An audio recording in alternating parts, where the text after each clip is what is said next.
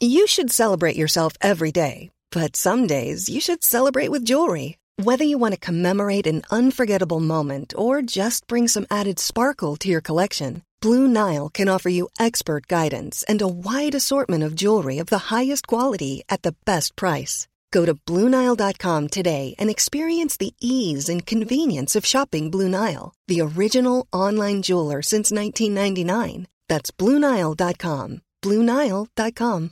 When you make decisions for your company, you look for the no brainers. And if you have a lot of mailing to do, Stamps.com is the ultimate no brainer. It streamlines your processes to make your business more efficient, which makes you less busy.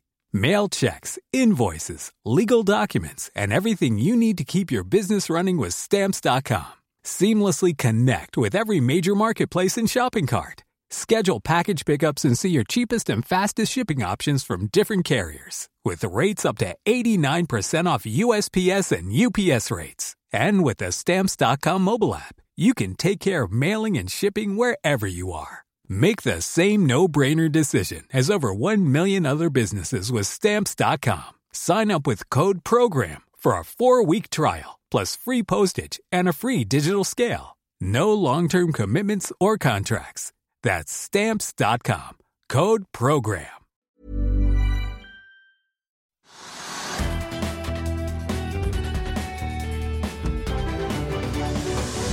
En eh, riktig god tirsdag og velkommen til Økonominyhetene på denne 22. november, der hva som rører seg i oljemarkedet preger sendingen. Vi har eh, straks med oss SEBs Bjarne Skjelleropp som skal gi oss litt innsikt i hva som nå skjer. Vi skal også snakke med Norske Veritas Norsk Industri, ettersom de ikke tror Norge vil nå klimamålene sine i 2030 og 2050. Som kjent så er jo klimatoppmøtet i Sharm el Sheikh akkurat eh, ferdig. Men la oss begynne å titte litt på markedet akkurat nå. Det går som en kule på Oslo Børs. Hovedindeksen endte jo i går ned 0,63% og da 1,65 i forrige uke.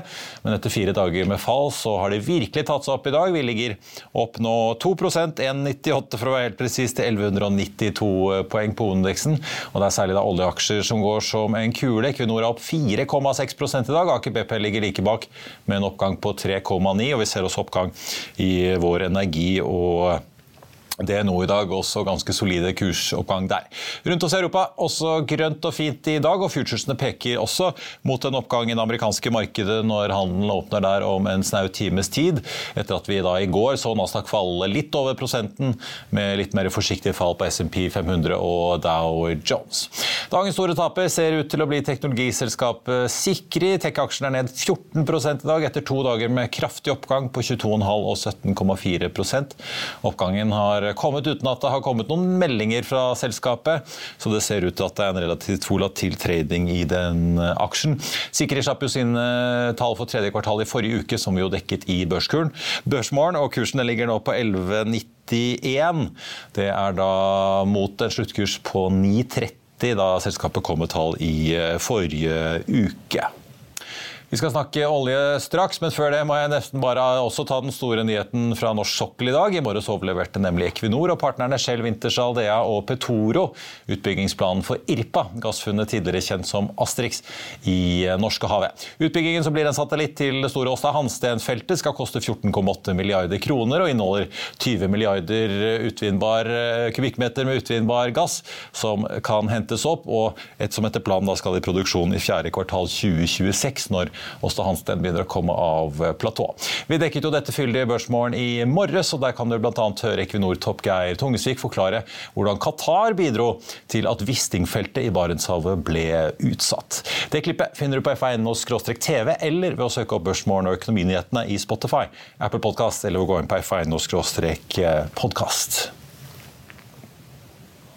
Da skal vi snakke oljepris og oljemarked, for oljeprisen er ikke lenger på 90-tallet. Men nordsjøoljen har likevel fått seg en ordentlig rekyl i dag etter gårsdagens knekk. Nå ligger vi på 88 dollar og 90 i spotmarkedet og 81,40 på den amerikanske lettoljen. Da opp halvannen, nesten halvannen prosent.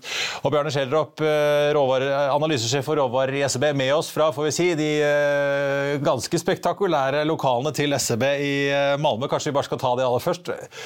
Det var da voldsomt så storslagent og flott eh, du har bak deg? Altså, dette er jo det gamle styrerommet eh, i SEBs Malmö-kontor. Den korte perioden hvor da altså hovedkontoret i SEB lå i Malmö. Fordi direktøren i SEB akkurat en kort periode bodde i Malmö, så flyttet de hovedkontoret dit. Så nå sitter jeg da i det kontoret her. Det var eh, mer schwung over det før. Altså, dere har fine kontorer i Oslo, altså, det er ikke det, men uh, likevel. Men du, fra spøk til alvor å finne kontorlokaler. Du er på tur rundt i Skandinavia for å snakke om uh, råvarepriser. Veldig hyggelig at du tok deg tid til å være med oss nå, fordi mange har jo fulgt med på de ganske store svingningene som vi har sett det siste døgnet.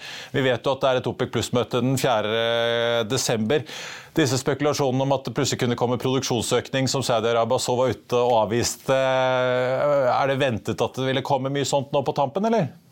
Altså, det ga jo ikke noe mening, de ryktene som kom om at Saudi-Arabia planla å øke produksjonen, eh, capen, med, med, 500 000 fat. Det ga jo ingen mening. For vi vet jo at, at Russland kommer til å tape en del volumer nå når sanksjonene kommer 5.12. og 5.2. Um, og hvis da Saudi-Arabia hadde gått i bresjen for å øke volumene for å kompensere for tapt uh, produksjon i Russland, så ville jo det være å skape en voldsom intern splid og, og, og motsetning mellom Saudi-Arabia og Russland. Russland, og det er jo ikke på kartet i det hele tatt. Så det ga jo absolutt ingen mening. Og, og det ble jo også avfeid kontant fra Saudi-Arabia at de hadde ikke kommet med noen slike eh, antydninger, og, og snarere så så de for seg at de kanskje skulle kutte litt til.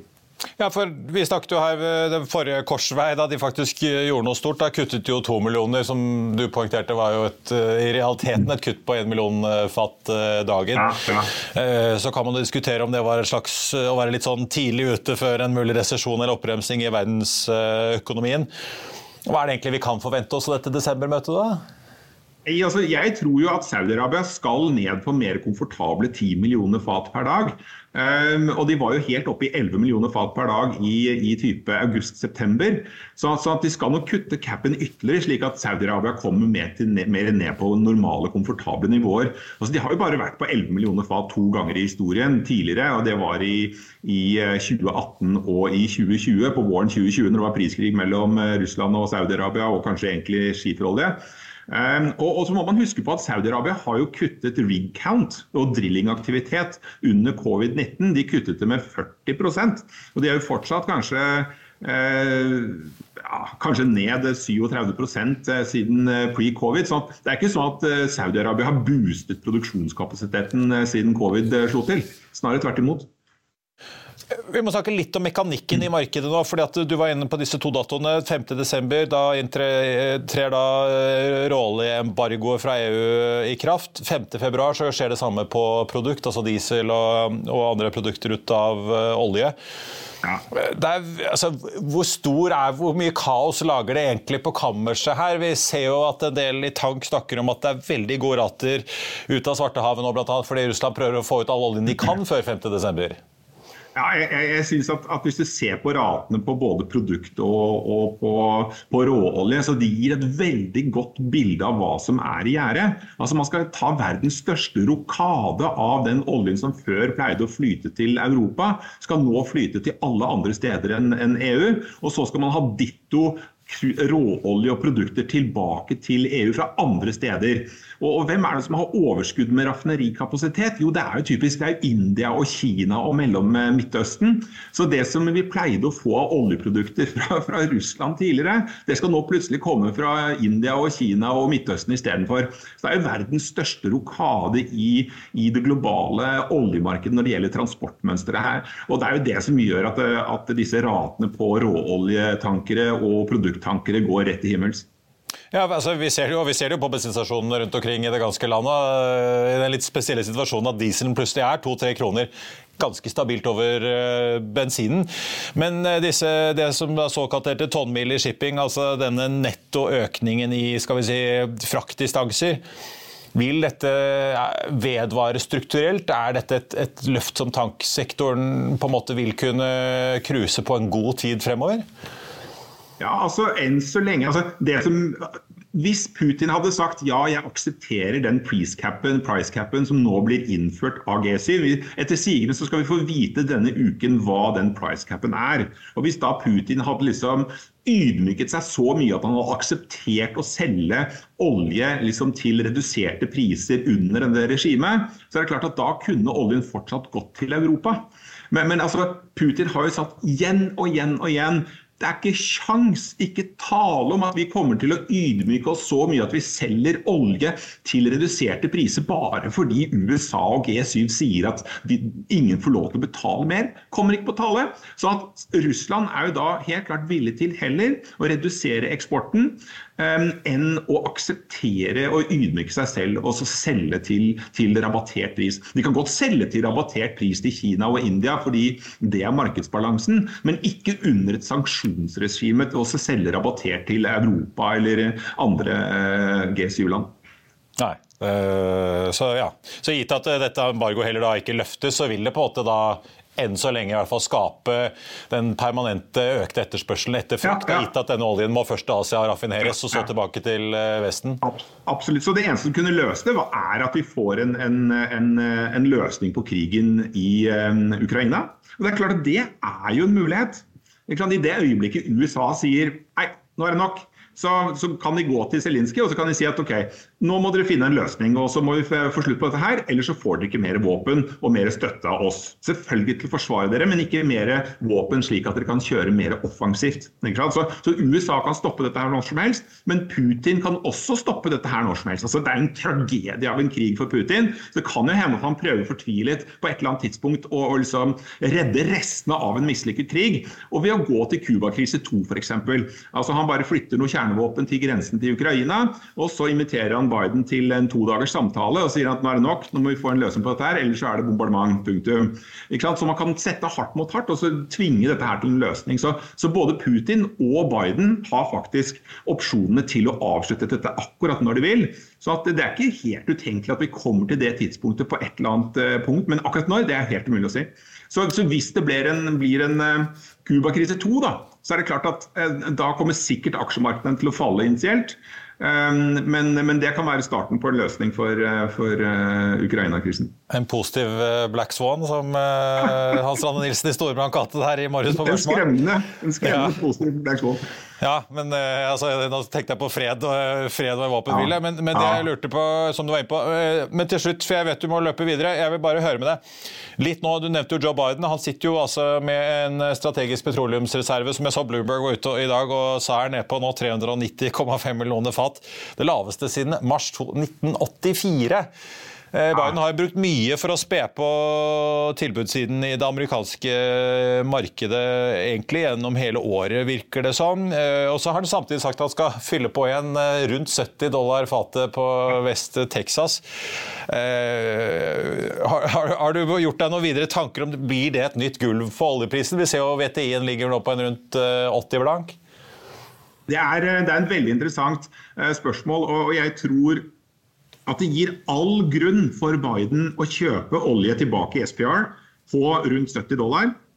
Fordi Det vi har sett under covid-19, det var jo at oljeproduksjonen i USA den kan falle som en stein over natten. falle tre millioner fat, Og så tar det to-tre år minimum før produksjonen kommer tilbake igjen. Og Det er klart at det er negativt for amerikansk oljebransje. Det er negativt for geopolitisk stabilitet eh, og, selvforsyning i USA. Så det er mye mye bedre at man da bruker disse strategiske reservene til å balansere markedet og ha en bunn i markedet, slik at skiferolje fortsetter å tikke og gå gå og tikke og gå, snarere enn å ha disse voldsomme syklene.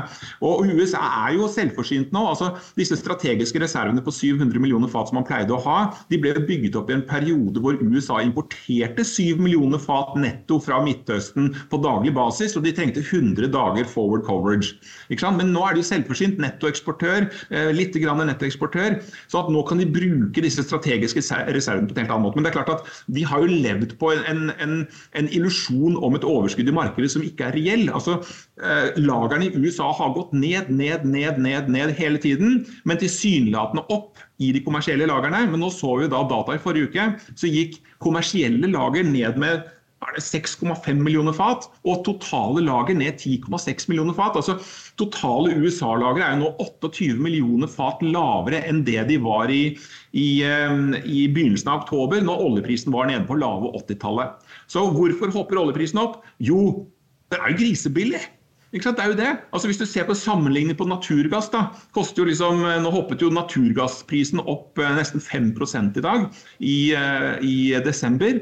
Og da, Det koster altså 200 dollar per fat oljeekvivalent. Og alle industriselskapene jeg snakker med som konsumerer naturgass, de kjøper nå oljetanker for å fylle med diesel og ha det som å spe på eller bytte til diesel. Det ser vi liksom left, right and center. Selvfølgelig skaper dette her masse ekstra etterspørsel etter diesel for å, å, å komme bort fra ekstremt dyr gass. Og da kan man jo bare se for seg hvis eh, det hadde blitt en eh, kald førjul i Europa som vi foreløpig har sluppet unna. Bjørn Schjelderup, tusen takk for at du var med oss fra Malmö. Så skal du ikke se bort fra at vi må invitere deg igjen når det er OPEC-møte i starten av desember. Tankrederiene Frontline og Hafnia stiger også på høy omsetning på Oslo Børs i dag. Det går så det griner da i takmarkedet, som vi var inne på. De to rederiene trekkes fram som favoritter i segmentet av Arctic Securities. Vi får besøkt Arctic Securities-analytiker Lars Tøstreng da i morgen tidlig i Børsmorgen. Hafnia har jo også da lagt frem knallsterke kvartalstall denne uken, og aksjen har jo da gått over 200% så langt i år. Frontline tikker opp 2-3 i dag, Hafnia opp rundt 5% En annen aksje som er opp, Noram Drilling, stiger over 6 6 i dag. Riggselskapet til Jo Fredriksen, som opererer på land i Permian-bassenget i Texas og USA, slapp da tall sent i går kveld. Vi skal over til dagens aksjetips, der ingen ringere enn Amazon er tema. Bare se her. Er det på tide å kjøpe Amazon-aksjer? Aksjen har stupt 40% hittil i år, mer enn det dobbelte av SMP-indeksen, og ledelsen har nylig sagt opp 10 000 ansatte. Betyr det at det er dårlige tider og at framtidsutsiktene er svake? Analytikerne er uenige og peker på flere ting som både kan trekke opp og ned eh, i tiden fremover. Skytjenester har blitt trukket fram som et av de aller viktigste områdene der Amazon kan vokse. Men her har aktiviteten faktisk falt, ifølge analytiker Tom Fort. Selskapet har også prøvd seg innenfor underholdningssjangeren med Amazon Prime, med vekslende hell. Blant seerne av den nye Ringenes herre-serien, som er historiens dyreste serie, med en prislapp på hele 7,3 milliarder kroner, er det bare 39% som gir tommel opp på Rotten Tomatoes. Det som er positivt, er at selskapet nå satser på helse med sin nye eh, satsing Amazon Clinic, som kom på tirsdag for en uke siden. Det er en enorm mulighet over hele verden for Amazon, sier Fort. Så hvor skal aksjen? Fort han sier at dette dessverre ikke er Amazon i 1997, 2007 eller 2017, så vi kan ikke forvente oss eventyrlig avkastning som det var den gangen. Men det er vekst å spore gjennom de nye satsingsområdene. Gjennomsnittskursmålet på Amazon-aksjen ligger på hele 140 dollar, og det er faktisk 50% over kursen i dag. Så skal vi tro konsensus blant analytikerne, så er det mye å gå på etter fallet i år. Vi må innom Flyr-aksjen i dag òg. Den aksjen er nå opp 6,1 i dag, men fortsatt da på 0,7 øre, altså godt under emisjonskursen på ett øre. I børsmålet i morges kom jeg i skade for å si én krone, men det er det aldeles ikke. Det er altså ett øre som er emisjonskursen. Ferske aksjonærlister tirsdag har vist at finanskjendiser som Øystein Strauss Betalen, Kjetil, Kjetil Skorstad, Arne Fredli og Reiulf Lustad har kommet inn på eiersiden. Reiulf Lustad har jo vært åpen om sin investering, som han har gjort etter å ha fått telefon fra forvalter Jan Petter Schissner, som altså skisserte hele denne emisjonspakken etter at første, det første forsøket til Flyr strandet. Den umiddelbare reaksjonen i morgenhandelen var en oppgang på 7% på Flyr-aksjen også, før den falt ned igjen. og Nå er den altså på vei opp igjen, så det er mye svingninger i aksjen på veldig veldig lave kurser. Vi har vel knapt sett en aksje som handles til så lave priser. og Oslo Børs har da egentlig en regel også om at aksjer over tid i hvert fall skal ligge over én krone. På det laveste har vi sett Flyr helt nede i 0,54 øre. Og disse lave kursnivåene, gitt at vi da ikke ser at aksjen klatrer over ett øre, kan jo da by på, på, problemer for Flyr for å få inn da de resterende tre delene av denne firedelte emisjonspakken på totalt 700 millioner. 250 har jo så langt eh, kommet inn. Vi snakket om Norad Drilling og Rigg. Seadrill stiger rundt 5% etter en ny oppdatering fra DME Markets i dag. Meglerhus gjentar kjøpsanbefalingen og setter kursmålet opp med hele 50 kroner. Og så er Fearnley ute og har justert på kursmålet for Seaway 7. De kutter hele 17 kroner i kursmålet sitt. Aksjen er imidlertid ikke mer ned enn med ett Så kryptoselskapet DLTX ute med sine tall. De viste da et millionunderskudd i dollar. Aksjen er ned drøye halvannen prosent. Hexagon Purus, spin-offen fra Hexagon Composite, har mottatt en ny ordre for distribusjonssystemet for hydrogen. Den aksjen er opp 2,5% på Euronex Growth. Og så får jeg også ta med Reach Subsea. Stiger etter en ny avtale. De oppgir ikke noe kontraktsverdi for denne nye avtalen, men avslører at eh, Totalverdien av nye kontrakter siden kvartalstalen 8.11 nå er oppe i 300 millioner kroner. Aksjene er opp en 5 i dag.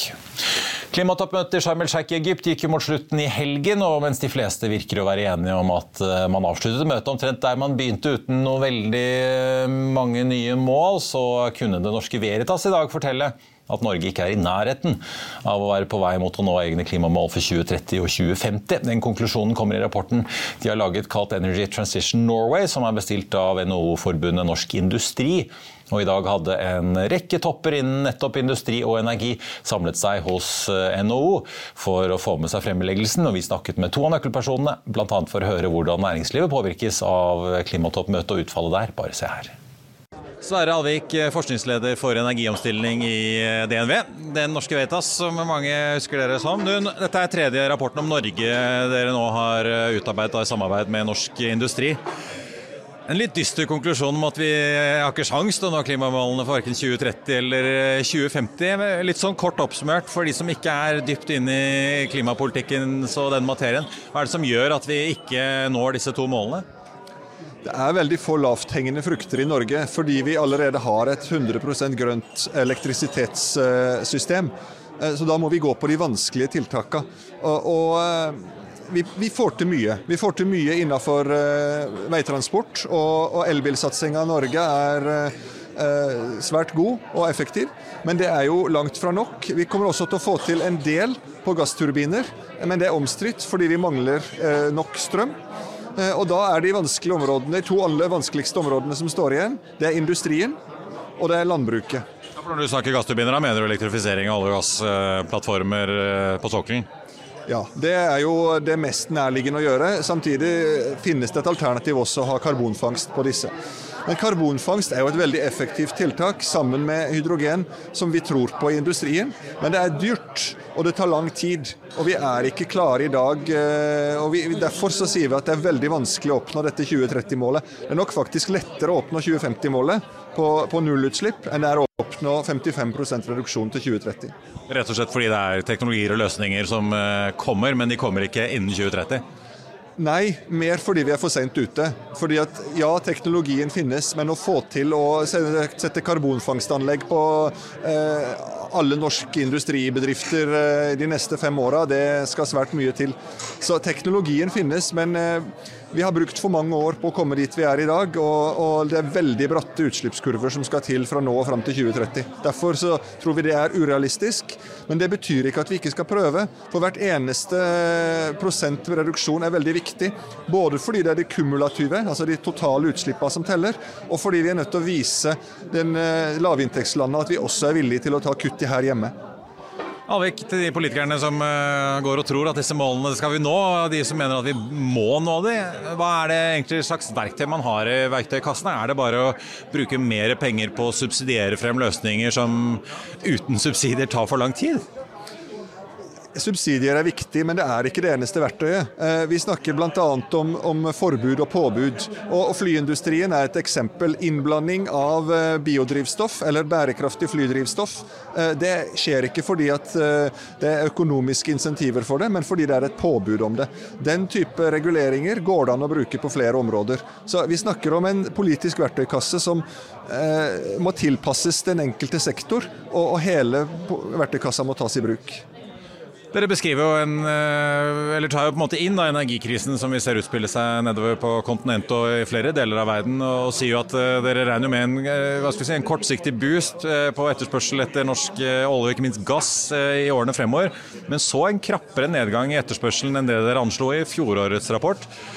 Samtidig ser vi kineserne og Qatar nå har inngått en nesten 30 år lang LNG-avtale for å få gass over til eh, Kina. Hvorfor tror dere at eh, Europas appetitt på gass eh, plutselig skal begynne å falle når vi ser kullbruken har økt og man desperat kjøper LNG fra alle lommer i verden man kan finne den? Ja, Der er det igjen tidsperspektivet som er viktig. Og, og, det er nok ikke bare kortsiktig det er en eh, stor oppside for norsk gass, det er også på mellomlang sikt. Så de neste ti åra kommer det til å være en veldig etterspørsel etter norsk gass. Mens i et 25-årsperspektiv så tror vi etterspørselen blir lavere enn det vi trodde for et år siden. Eh, forskjellen mellom Europa og det de eh, gjør i Kina, er nok at Europa har mer hastverk. Europa har en, nullutslipp i 2050-ambisjon, mens Kina har nullutslipp i 2060. Det er en betydelig forskjell. Og, og når Europa velger å, å eh, gå mot eh, netto null i 2050, så, så lar de denne politikken gjennomsyre nesten alt de gjør. Eh, og vi tror at, at det kommer til å gi en lavere etterspørsel etter gass enn det de har f.eks. i Kina. Så må jeg til slutt spørre Fredrik Hauge fra Bellona, ganske frisk i klypen her, om hva han mente vi ikke kunne satse på, inkludert syntetisk drivstoff og eksport av grønn eh, hydrogen. Eh, hva sier du til det? Er, er du enig i at eh, her er det ting vi rett og slett ikke kan drive med? At vi ikke kan ta oss råd sånn strømmessig? I'll see you in court. Vi sier det ofte litt på spøk, men for deg som driver business, er det aldri moro å innse at du ikke har laget en 100% gyldig kontrakt. Du bør ikke risikere hele firmaet ditt fordi du synes dette med kontrakter er litt stress. En avtale er ikke en avtale. Du kan miste kunder, miste venner, ja, til og med miste inntekter om du ikke lager en skikkelig kontrakt, på alt mulig, egentlig. Men vi vet det er et styr, kopimaskiner, tregprinter og haugevis av papir. Dessuten stoler vi jo på folk her i landet. Det er ofte litt kleint å skulle be om en signatur for alt mulig, ja, for mye av styret handler også om jakten på underskriften. Det finnes en enkel måte å løse dette på, Dukkobit, en trygg, effektiv og get this, gratis måte å sikre seg en god natts søvn pluss en juridisk bindende avtale.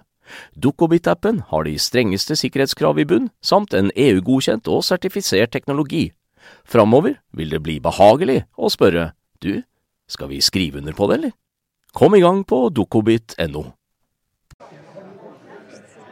Ja, ideelt sett så er jeg enig i at eh, altså e-fuels og ammoniakk bør komme fra områder som eh, ikke har industri i nærheten. Og det vil si ikke fra Norge. Eh, mens eh, grønn hydrogen tror vi trengs å komme også fra Norge, fordi eh, det er for langt å transportere det lange distanser. Så jeg er delvis enig. Og så er det jo sånn at det er ingen som styrer dette ideelt. Så når det gjelder muligheter for norsk industri, så er også e-fuel og eh, ammoniakk gode muligheter. Selv om en kanskje fra et globalt perspektiv heller burde fått det fra Chile eller Australia. Stein Lier Hansen, administrerende direktør i uh, Norsk Industri. Nå er SVs eh, Lars Haltbrekken her uh, kommet hjem fra Egypt og sagt at det ble lite sjarm og mye sjeik. Men altså, konsekvensene for norsk industri og norsk næringsliv av dette klimatoppmøtet, hvordan vil du oppsummere det?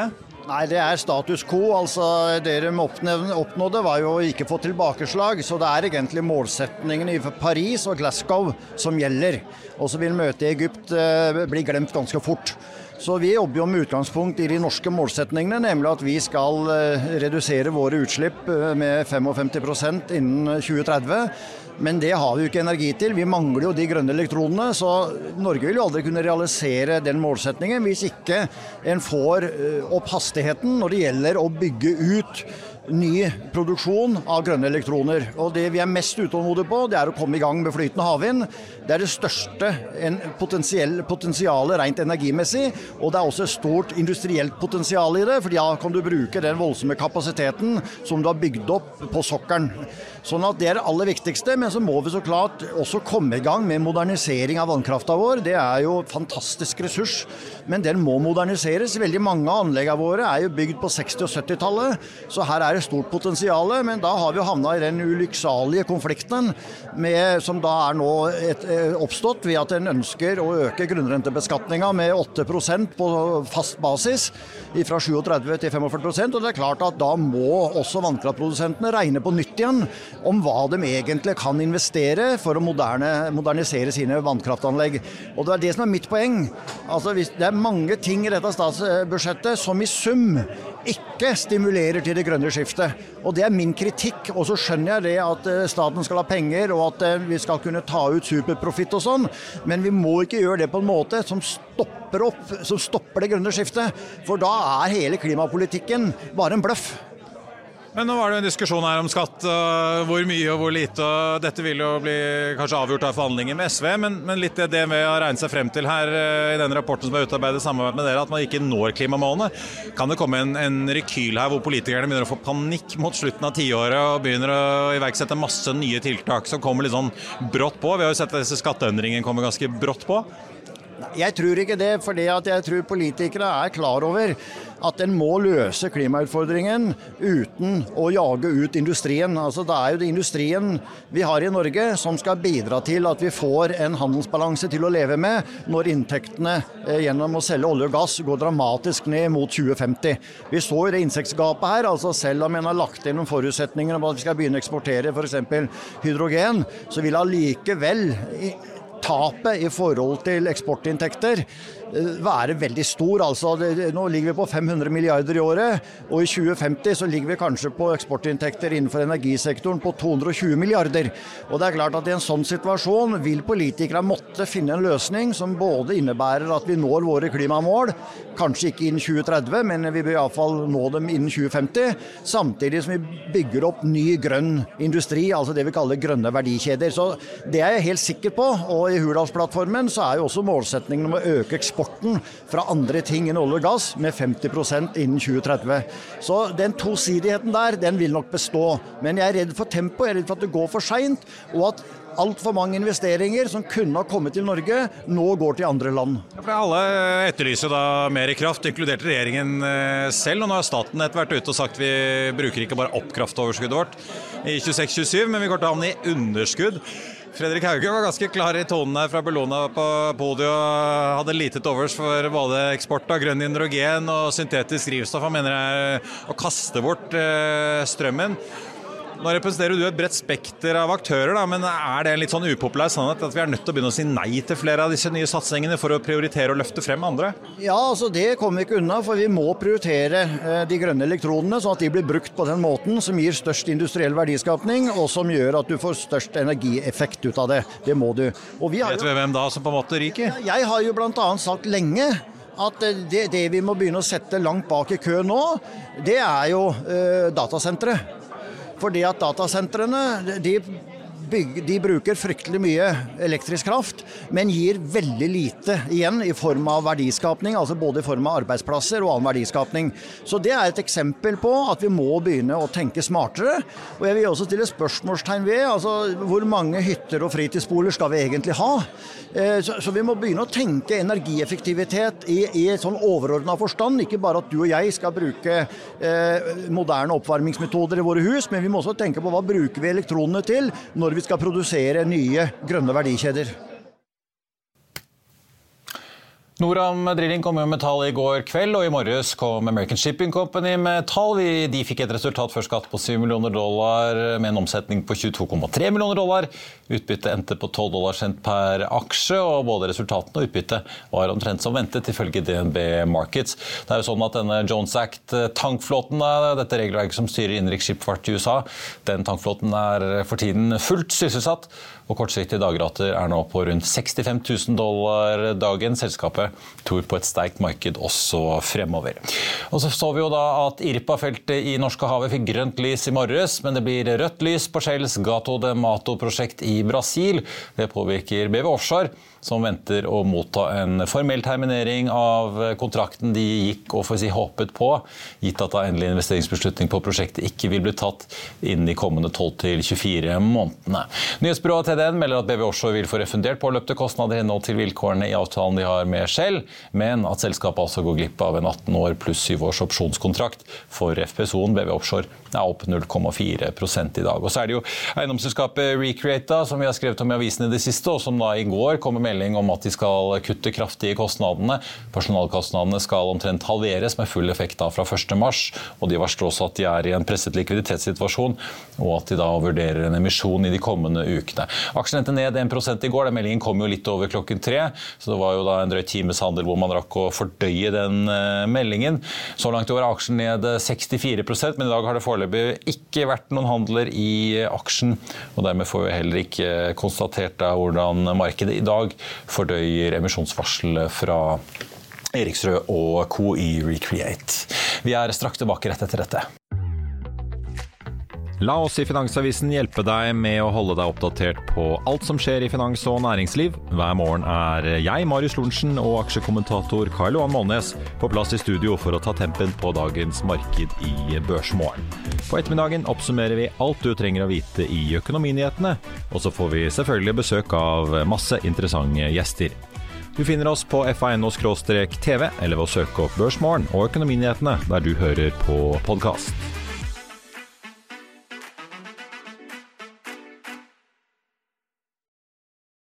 Velkommen tilbake. Hovedindeksen på Oslo Børs gjør det fortsatt veldig solid i dag. Opp 1,98% fortsatt til 1192 poeng. og Dermed ble det en brå slutt på de fire dagene med fall vi så før dette. Oljeprisene også gjør det veldig bra da etter den knekken vi fikk i går. Så kom jo da Saudi-Arabia på banen og avviste ryktene om noen produksjonsøkning i desember. Og heller hintet om at de tvert imot er klare for å kutte mer ved behov.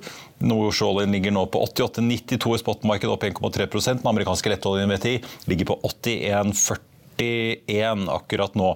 Oljeaksjen på Oslo Børs, Equinor Aker BP suser jo opp eh, alle sammen. jeg på å si. Equinor 4,7 Aker BP 3,6 Tankrederiet Flånstein 1,2 Hafnia Produkttankrederiet 4,7 opp.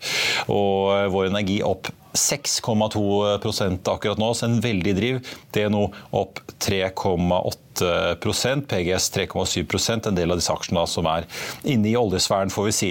Andre veien går for, i hvert fall hvis du ser på listen over de mest opptatte aksjene, så trekker det andre veien for bl.a. sjømat. SalMar ned 2% i dag, Movi ned 0,4 vi ser også at eh, Nell ligger litt ned, 0,9% Nordic Semi 0,7% med Skahut, hvor det da har vært skrevet mye om Jan Haudemanns aksjesalg i det siste. Kahoot er da ned 1,1% Den store taperen i dag, i tillegg til E-Fuel, Sikri, som er ned 12,6% men den aksjen da har jo steget veldig kraftig to dager på rad tidligere, og ligger fortsatt da over sluttkursen vi så etter kvartalsfremleggelsen i forrige eh, uke. Ellers verdt å få med seg selvfølgelig da vi var jo innom eh, Tank Hafnia 4,9 opp, Frontline 0,8. Og så er det jo da Flyr-aksjene da, som ligger fortsatt på 0,71 øre under emisjonskursen. Men likevel da etter noen dager med kraftig fall er den nå opp 7,6 Så får vi se om eh, markedet klarer å dytte den aksjen over emisjonskursen igjen, som kanskje kan utløse at de da får tegnet de siste 100 millionene litt mer problemfritt enn det det ser ut til nå. Konkurrenten Norwegian ned 1,6% Konkurrenten deres igjen, SAS, ligger så vidt i minus 0,1 og har du ønsker om aksjer vi skal analysere, så kan du bare ta og sende en e-post til tvtips.finansavisen.no. Der tar vi selvfølgelig imot eh, alle mulige tilbakemeldinger og ønsker om gjester og alt du måtte ønske. Så bare holdt jeg på å si, finn fram Outlook og skriv i vei. Prøv selvfølgelig da å ha en eh, hyggelig tone, så skal vi sikkert klare å svare også. I Finansavisen i morgen så kan du lese Trygve Egnars leder om Ida Wolden Bakkes vanskelige jobb, og at eh, skal vi tro forskerne, så må styringsrentene kraftig opp fra dagens nivå. Du kan lese om at meglerhuset Fearnley kapper kursmålet på en shippingaksje, nå som de har fått ny analytiker. Og du kan lese om at American Shipping Companys aksjonærer fortsatt må vente på å få uttelling for en avtale om overskuddsdeling. Og så får vi også plass til at Nordea vokser inn shipping. Og Det var sendingen vår på denne hendelsesrike tirsdag 22.11. Vi håper å se deg igjen når vi er tilbake igjen med Børsmorgen 08.55 i morgen tidlig. Da får vi besøk av Arctic Securities tankanalytiker Lars Sebastian Østreng. Og så kommer jo da Økonominyhetene som vanlig 14.30. I mellomtiden ønsker vi deg en riktig god dag videre, og husk at du som alltid får siste nytt på FA1. Takk for nå.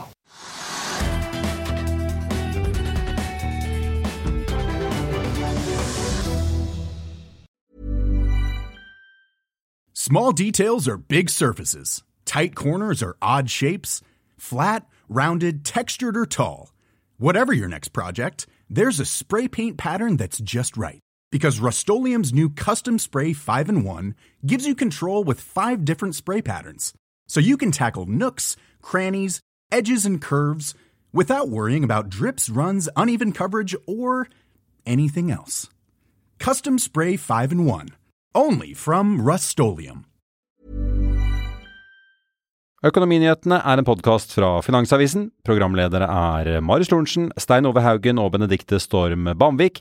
Produsenter er Lars Brenden Skram og Bashar Johar. Og ansvarlig redaktør er Trygve Hegnar.